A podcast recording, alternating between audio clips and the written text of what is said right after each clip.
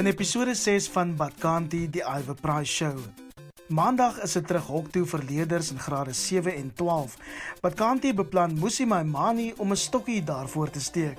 Do you perpetuate that inequality by saying, well, that the schools that are ready continue and the ones that are not, let's allow those kids to risk their lives to go to a school where there are 60 kids in a class where there's no water or no sanitation or no PPEs? That is an injustice. Ernesta Merlek reis die land plat op seer se spoor. Badkanti is sy op haar eie reis na heling. Ek erken die hartseer, ek erken die trauma en dan probeer ek daardeur werk want vir my is dit as jy in ontkenning is, dan jy nie daai wond gesond kan maak nie. François van Cooke praat oor die grense wat hy en sy mede-rockers oor 17 jaar afgebreek het. 17 jaar later is dit glad nie meer weird om te sê fok of polisie kar vir die meeste mense nie. Ek dink ons skok value het ook definitief minder geraak. Ricardo Arends se droom oor 'n nuwe toekoms vir die filmbedryf. Ek is convinced dat hierdie 'n nuwe manier van film maak is.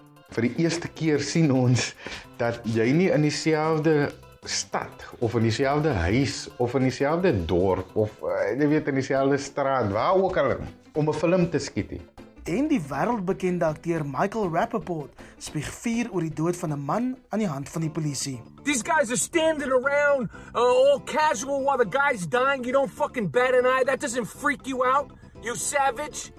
And if there's no cell phone footage, then what? Then what happens?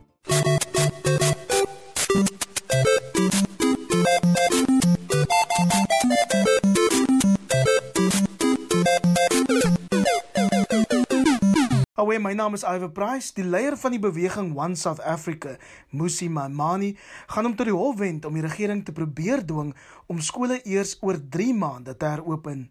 En moenie 'n fout maak nie. Dit is nie die gedienstige Musi Maimani wat ons as die voormalige DEA leier leer ken het nie. Thank you, Ivo. And I think first and foremost, sometimes working within an organization that you thought represented something and then you realize doesn't leaves one feeling like you have to almost fit in to an old model. And it became a frustration, it became a clash. And I think more than anything, it's not a different Musi Maimani, it's a Musi Maimani that always existed. It's uh, in part a deeper sense of the older you become, the more your values become aligned, the more also honest you are about failings and knowing that where you've come from help prepare certain things in you. We certainly made some mistakes, but you know, now where I'm coming from really is about we need a, a much more stronger and a much more coordinated effort to speak to South Africans in an honest sense. We're not looking for the ideological vote, we're looking for the conviction vote. And if you as a leader do not demonstrate your convictions and back them, then I think how can you ask anyone else to do likewise? So I think more than anything, now I'm living in a space where I'm saying, all we've got is not to defend an organization or a person. It is to defend convictions and convictions that South Africans share. Now that you have the privilege of looking into the DA as a spectator, does it seem like the party's on the right track, or would you possibly even have advised them to do some things differently? It's entirely what track you want the party to go on. When I was leading the DA, I wanted the party to be a party for all South Africans. And by that, it's not only a diversity of races, but a diversity of classes. And I fought hard for the clause on diversity. I wanted its lists and its benches to represent likewise. And I wanted the leadership that represented likewise. That was the track. And clearly, some people didn't share that vision and therefore rejected it, which is fine. That's natural. But then you must understand that for as far as the track that the DA is on, my impression of it is that it seems that it's become focused on a narrow group of people as defined by its leadership. So, from that perspective, it's well on track to becoming a party that represents those people but doesn't represent all South Africans. Therefore, on that context, I think that it's been clear that there's been a divergence of visions in that regard. And it's clear that even in its current leadership formulation, it will represent the views of that leadership. And I personally feel that from a broader opposition space, that is a challenge because if we end up ever in a space in this country where the contestation is not about ideas and ideals, but rather about race and races or a particular class or a particular group of people, then I really sincerely believe that we'll miss the opportunity to build the South Africa we want. It will end up in a space where we will finally say this party is for that race, this party is for this class, this party is for this religion. And I don't think that that helps the people of this country. Let's zoom into COVID 19, this pandemic, and specifically the dynamics, the challenges of the coronavirus pandemic, and the way our cabinet and President Cyril Ramaphosa has been handling it. You've been particularly vocal about government's plans to get learners back to school.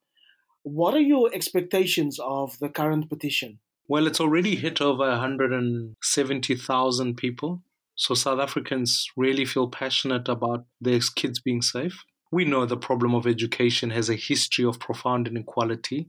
So, whilst other schools may claim readiness, the majority don't.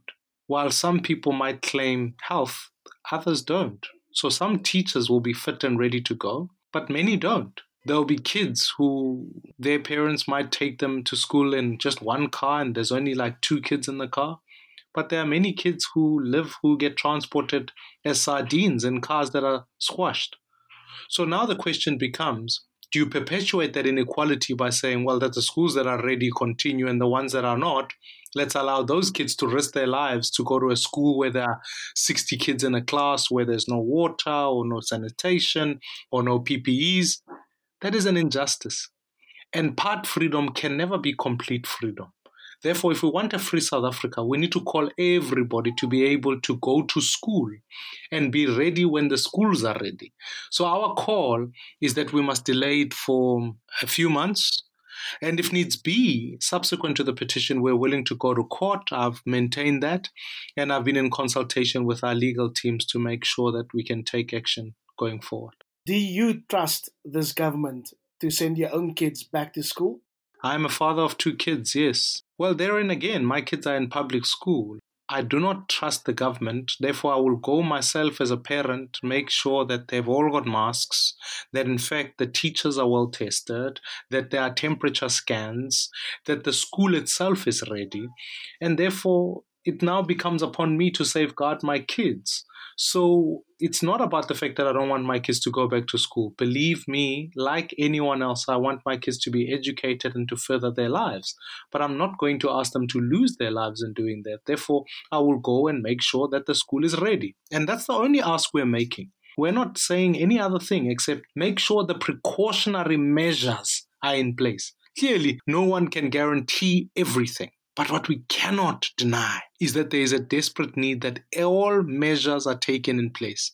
When I hear that in the last number of years children die in pit latrines, you say to yourself, if the government knew there are pit latrines and couldn't fix those, how on earth do we hope for them to be ready to deliver masks when called upon to do so? So, Musi, have you had any feedback from President Cyril Ramaphosa?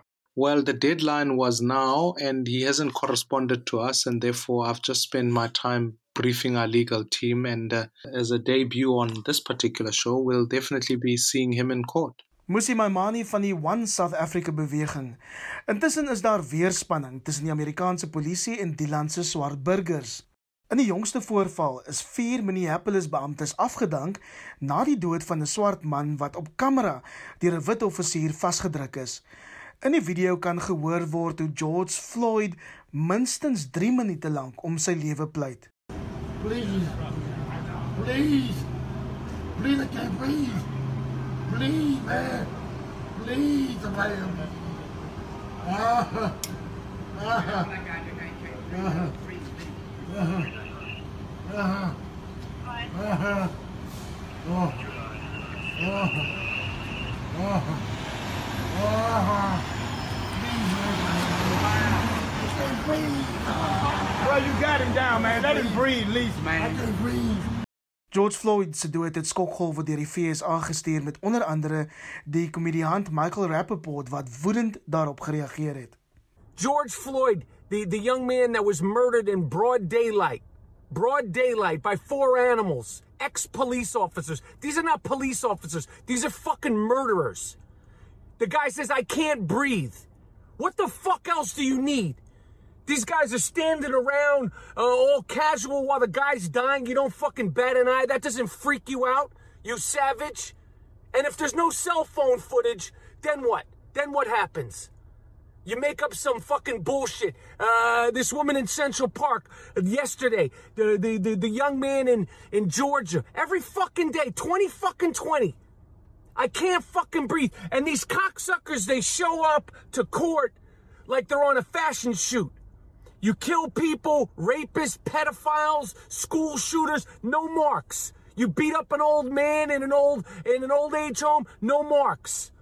And you fucking kill this guy in 2020. You're that fucking spooked out in 2020 by black people. That's what the fuck it is. You're scared of black people. We're in 20 fucking 20 and you're fucking spooked the fuck out by black people. Because you never see a, a, a, white cop in the middle of Manhattan choking to death a 42 year old Jewish man. You'll never see that footage. That'll never happen. This fucking 2020. This fucking bullshit's going with all the fucking problems we got all around the world. You killing motherfuckers in broad daylight? Lock these pieces of shit up under the jail and then execute them. Fucking standing around like it's like a, a, a Sunday afternoon stroll. En dan Michael Rappaport, hy's 'n baie bekende Amerikaanse komediant en ek dink op 'n manier is sy uitbarsting op sosiale media simptomaties van die pyn wat mense in die FSA maar ook reg oor die wêreld voel na nog 'n geval waar die Amerikaanse polisie swart burgers skynbaar geteken het en op die oomblik sien ons hoe die uitbarsting, die spanning tussen die polisie en die inwoners van Minneapolis uh, in die strate begin uitspeel van die protesgangers wat winkelvensters beskadig, polisievoertuie beskadig. Polisie het daarop gereageer en met rubberkoels op die skare geskiet en 'n baie gespanne situasie op die oomblik in die FSA wat wêreldwyd op televisiekameras en op sosiale media uitspeel.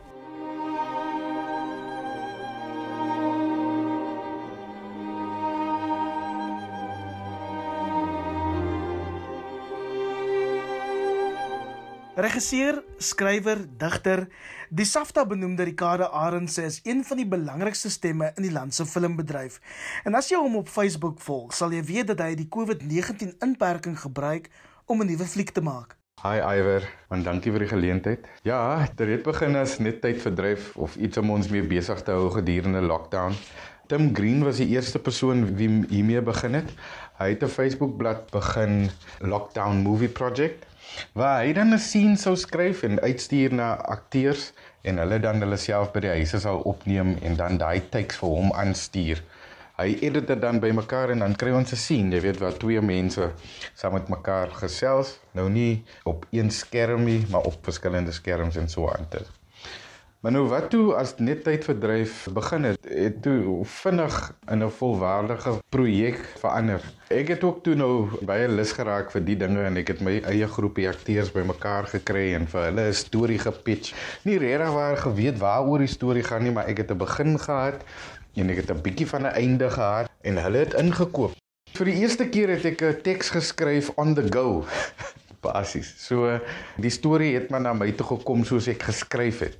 En soos ek geskryf het, het ek die tonele uitgestuur na die akteurs toe. Hulle het dit opgeneem, teruggestuur en 'n baie goeie jong man met die naam van Norman Leslie is dan besig om die editing te doen, hierdie verskillende scenes bymekaar te sit en so aan te.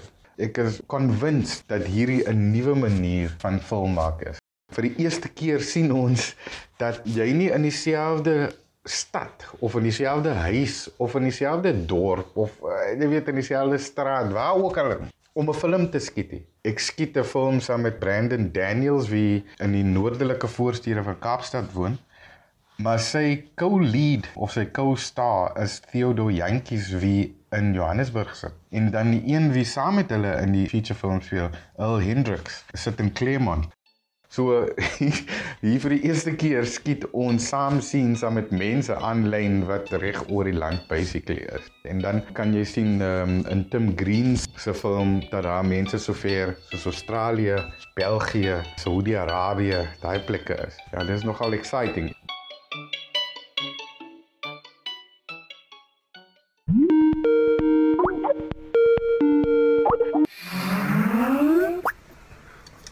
Steven Sheldon Wayne. Jy, Wat?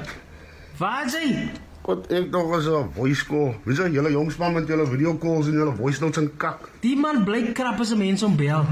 Waarmee is hy nou weer besig? Ek krap ek weet aan my kar. Jy moet minder krap. Jou hande lyk al net stools.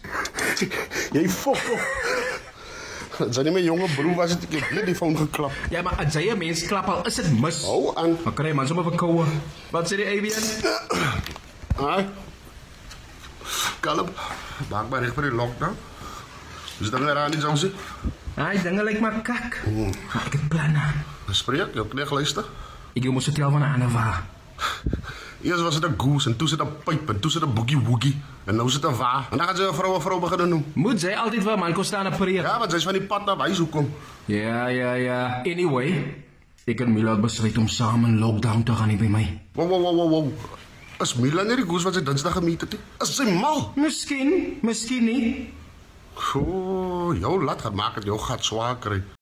Ricardo, ek moet vir jou sê dis asof ek nie kan ophou luister na Brendan Daniels, Theodore Jantjies, twee van Suid-Afrika se grootste seuns in die in die akteurswêreld, né?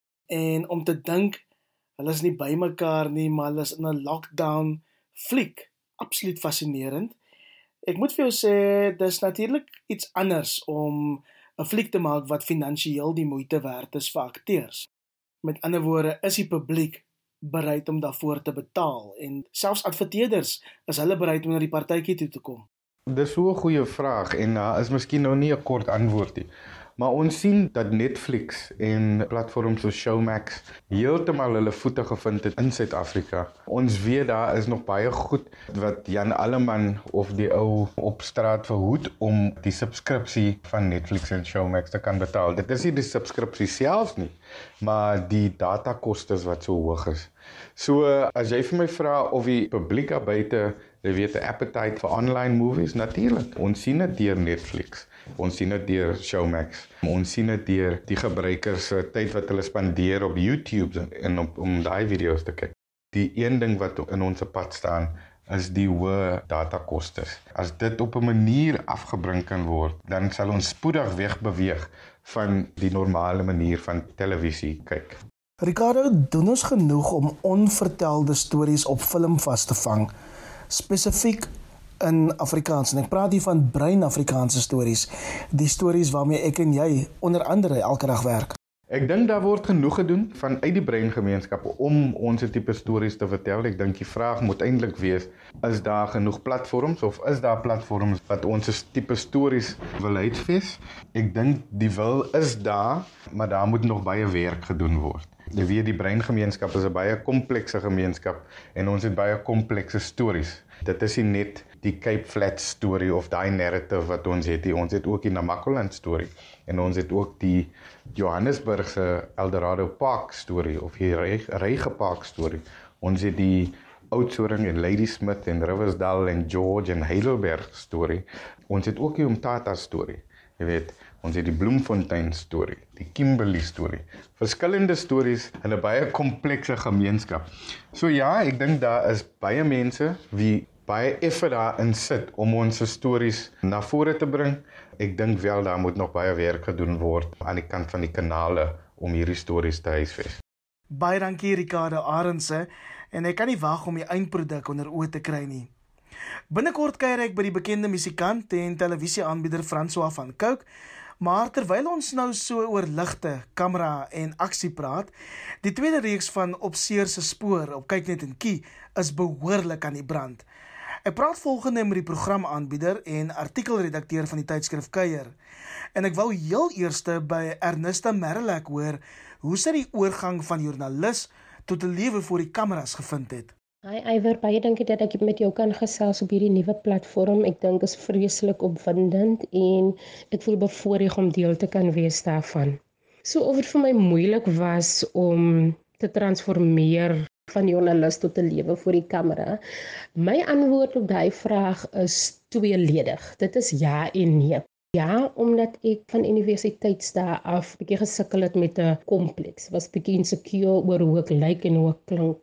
Wanneer ons take gedoen het op TV of radio was dit vir my regtig gejal. Ek kon dit nie hanteer om my gesig op 'n TV-skerm te sien nie, nog minder kon ek dit hanteer om na my stem te luister.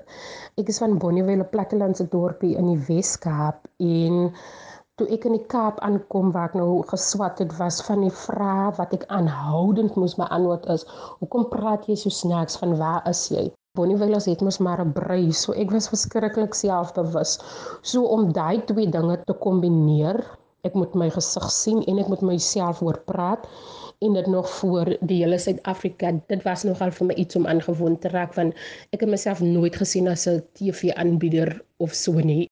Ek was tevrede om stories te skryf en dis waar my passie gelê het. Maar aan die ander kant moet ek sê wanneer ek by mense se huise instap en gereed is vir hy onderhoud, jy weet as my joernalis baie teen volle aan. Ek gaan in om 'n werk te doen, maar ek gaan ook in om mense se stories te vertel, so ek los nooit my menslikheid agter wanneer ek daai journalistieke baadjie aantrek nie. En wanneer ek dit doen, wanneer ek teenoor daai mense gaan sit om hulle stories te vertel, as ek 100% gefokus op hulle en word die kameras amper 'n bysaak. Wat mense op TV sien Dit is hoe ek my werk doen en ek sê altyd dis net toevallig dat TV-kameras hierdie keer daar is om half te sien of op te neem hoe ek my werk doen. Ernesta as iemand wat self 'n TV-aanbieder is, is dit altyd vir my moeilik om te verstaan wat dit is wat mense van sekere programme aangryp. Dis dieselfde met Opseer se spoor. Wat is dit van Opseer se spoor wat maak dat mense van reg oor die land elke week vasgenaal sit vir die TV. Ek dink die program gryp mense aan omdat almal van ons in een of ander stadium van ons lewe deur verskriklike seer gegaan het, iemand aan die dood afgestaan het. En dan kyk mense na hierdie families wat hulle stories aan op seer se spoor vertel en dan besef hulle, maar hulle is nie alleen nie. Dit wat hulle deurmaak of deurgemaak het, daar is mense daar buite wat verstaan. En soms het ons nodig om ander mense se stories te hoor sodat ons kan besef ons hoef nie altyd so vasgevang te wees in ons pyn nie. Daar nog steeds lewe na die pyn is, al is dit dan nou om 'n nuwe normaal te vind, om 'n nuwe manier te vind om aan te gaan. So in die nuwe reeks vertel jy nie net stories uit die Wes-Kaap nie, maar ook uit die res van Suid-Afrika. Is jy nie bang dat mense se siele leed later onder jou eie vel gaan sit nie nie, want jy stel jouself aan soveel trauma bloot? Ek reis hierdie keer na verskeie provinsies en die stories raak nie makliker om te vertel nie. Dit bly stories van erge trauma en dit bly stories van seer. Ek gaan nie maak asof dit my nie affekteer nie. Want ek is net 'n mens en ek voel intens vir ander mense. So wanneer ek 'n klas met 'n storie is, is dit maklik om daarvan af weg te stap en dan net die die afswitch te druk want dit is onmoontlik. Ons was vir 5 weke op die pad met vervulling en ek moes byna elke dag moes ek my emosioneel reg kry om 'n volgende storie en die volgende storie en die volgende storie aan te pak. En daar was daar wat ek tot 4 na 5 onderhoude agter mekaar gehad het. So jy kan jouself indink as jy 4 of 5 onderhoude het wat emosioneel so belaai is en so moeilik is van 'n onderhoude duur 'n paar ure op 'n slag. Dis glad nie 'n maklike ding nie. Ek dink omdat ek bid en omdat ek met die Here praat, er ook voel en ook omdat ek 'n ondersteunende man het by wie ek baie kan afpak. Dit help my verskriklik baie. So nommer 1 ek ontken glad nie, jy weet dat 'n storie my verskriklik geaffekteer het. Die I recognize the pain. Ek erken die hartseer, ek erken die trauma en dan probeer ek daardeur werk want vir my is dit as jy in ontkenning is, gaan jy nie daai wond gesond kan maak nie. Suid-Afrikaners sien dikwels neer op sielkundiges en baie Christene sê reguit vir mens dat jy jou pyn eerder na die Here toe moet vat, dat dit 'n geloofskwessie is, dat sielkundige hulp en selfs antidepressante eintlik net bedoel is vir mense wat mal is. Dis nog 'n woord wat ek elke dag in ons gemeenskappe hoor. Hoe ervaar jy dit?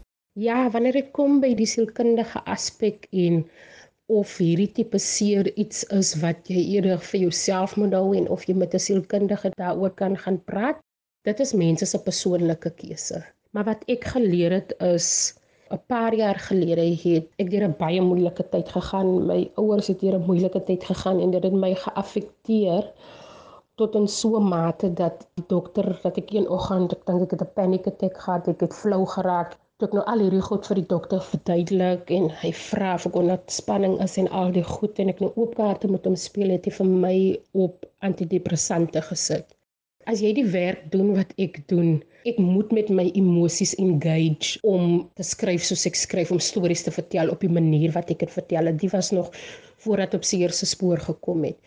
En antidepressante het my nam laat voel.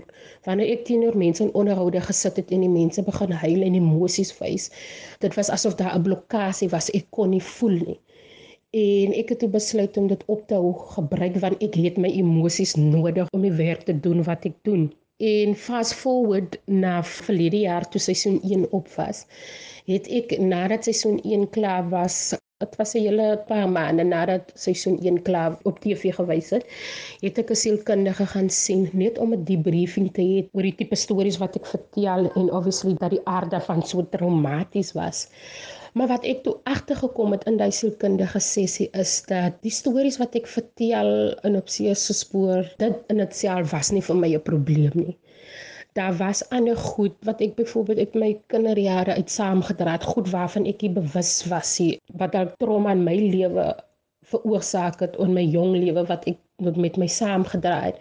En die sielkundige het vir my gehelp om haar sin te maak daarvan, om my te leer om wanneer ek 'n sekere manier optree, is dit die redes daar agter. So ek het baie van my emosies begin verstaan goed wat jy vir my sin gemaak het. Die, so daarom sal ek sê ek dink dit is fout om altyd te doen nie. Ek dink jy kan jou pyn na die Here toe vat want gebed en om met die Here te praat gee vir jou 'n ander tipe krag wat jy nêrens anders gaan kry nie. Maar terselfdertyd glo ek ook die Here het sielkundiges vir ons daar gesit en hierdie mense met kennis om ons te help. Want ek bedoel hulle self is ook net mense, maar hulle is mense wat ander mense probeer help. So ek dink regtig gee sielkundige hulp is vir mal mense nie. Ek dink as daar iets is waarmee jy sukkel en waarmee 'n sielkundige jou kan help saam met gebed en saam met gesprekke met die pastoor, hoekom sal jy dit dan nou nie wil doen nie? Ernesta Merlek wie se TV-program op Seer se spoor sopas ook 'n SAFTA toekenning gewen het.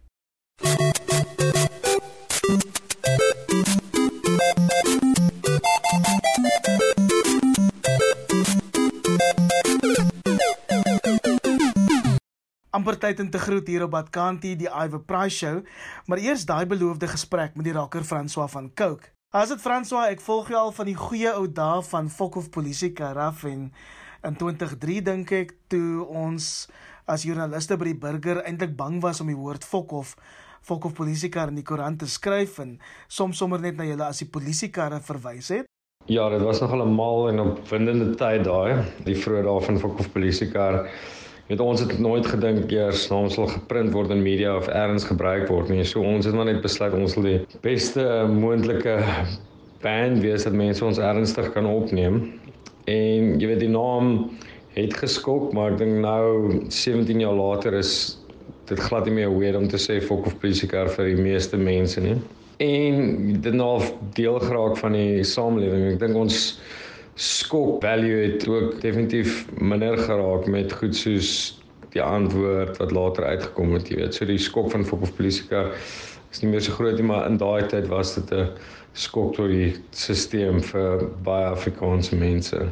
Nou het ek hulle Fok of Polisika song op The Voice gesing op prime time Yes, ek kyk hier baie TV nie, maar daai performance op The Voice het eintlik my kop geblaas want daar's die Drakensberg seenskoor en as ek reg onthou jy het komma gesing wat een van my favourite tracks is van jou en die lirieke om jou te hoor in Suid-Afrika op 'n Sondaghand met 'n seenskoor wat sing So ek skryf maar vir my 'n wegkruipplek. Daar's 'n berg houtpiele wat brand in pleks van my verstand.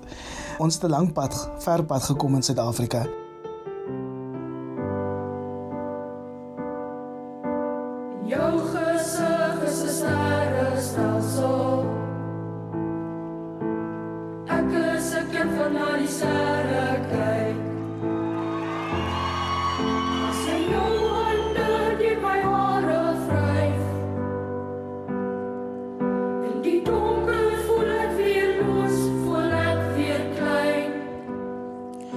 As die storm weer begin sanik.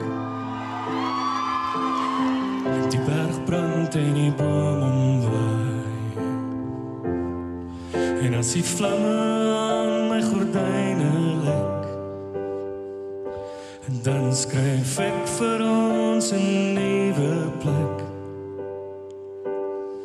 Want as jy weer weer kom, sal ek kom om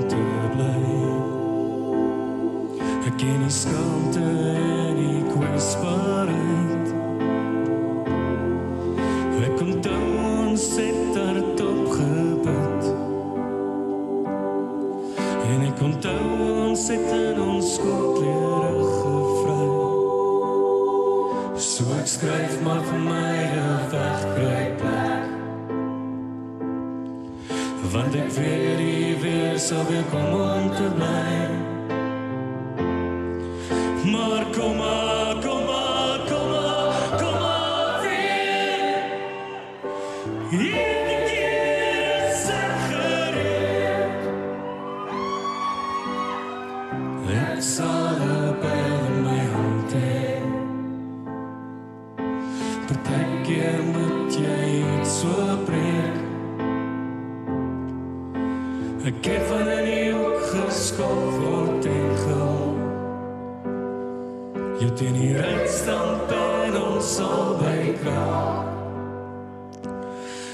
skryf maar vir my 'n wegkruipplek. Daar's 'n berg op pile wat brand in plaas van my verstand. Maar kom maar,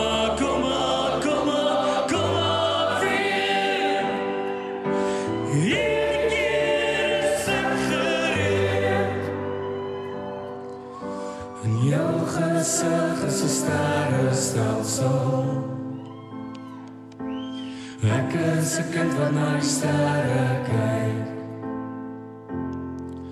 As jy jou onder in my hare vryf.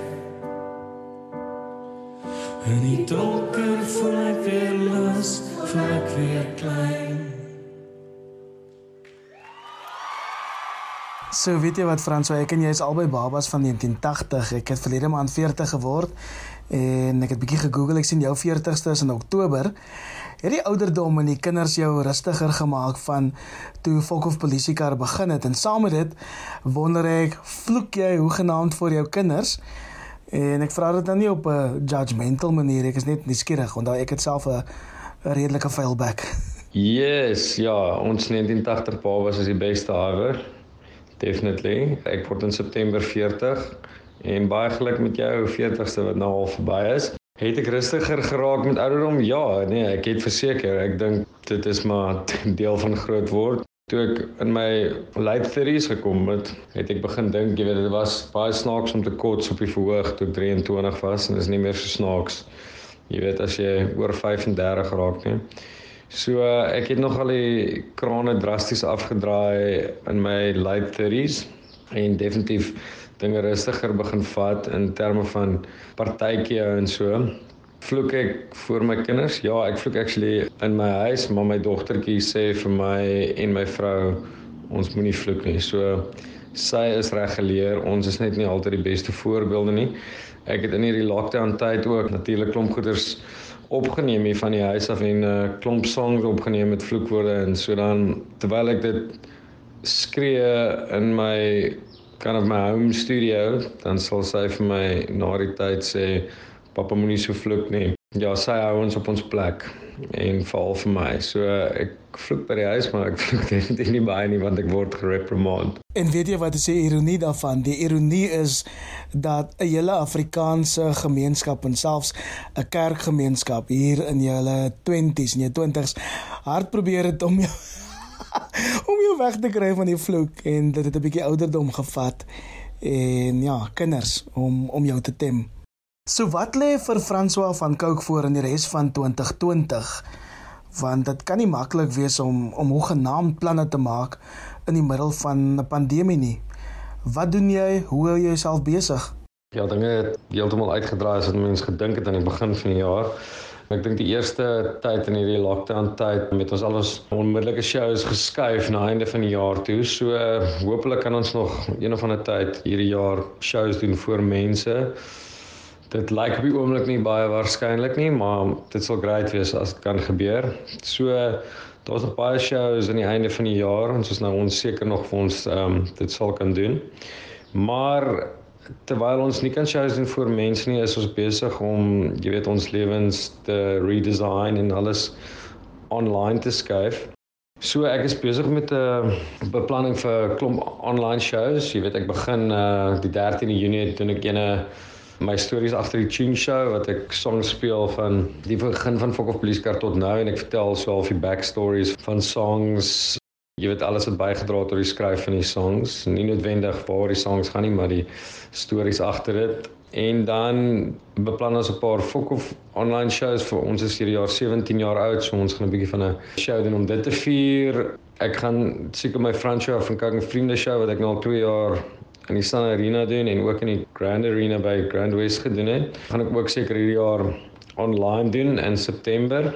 So dit is op pad En dan werk ek op die oomblik aan 'n paar eh, interessante collabs. Ek het uh, soms Jan Blomme song begin skryf voor die lockdown en klaar gemaak in hierdie lockdown tyd. So dit gaan uitkom oor so 2 of 3 weke. Ek's baie opgewonde daaroor. En ek het uh, saam met die van Plets en manne ook 'n song geskryf en opgeneem so in die lockdown tyd. En dan is ek ook in die eerste fase van werk saam met Matthew Mall aan 'n song, 'n Engelse song. So dit is drie interessante collabs waarmee ek werk en dan skryf ek konstant aan ander ander goed. So dis maar waarop ek fokus op die oomblik, die online shows en die skryf van nuwe materiaal, dan kap ons maar voort. En uh ek hoop ons kan eendag van 'n tyd weer vir mense shows doen. Ja, dis 'n interessante tyd en 'n uitdagende tyd, maar jy weet dit is 'n tyd vir ons vir 'n redesign vir ons lewens. En op daardie wysende noot van François van Cooke is dit tyd om amen te sê op Badkanti die Iver Prize show. O ja, moet asseblief nie 'n doos wees en dink dat vlak 3 inperking wat maandag inskop beteken dat die COVID-19 pandemie verby is nie. Dit is 'n besondere hoë risiko tyd vir almal van ons en ek vermoed ons gaan nog baie lank trane daaroor huil. Cheers.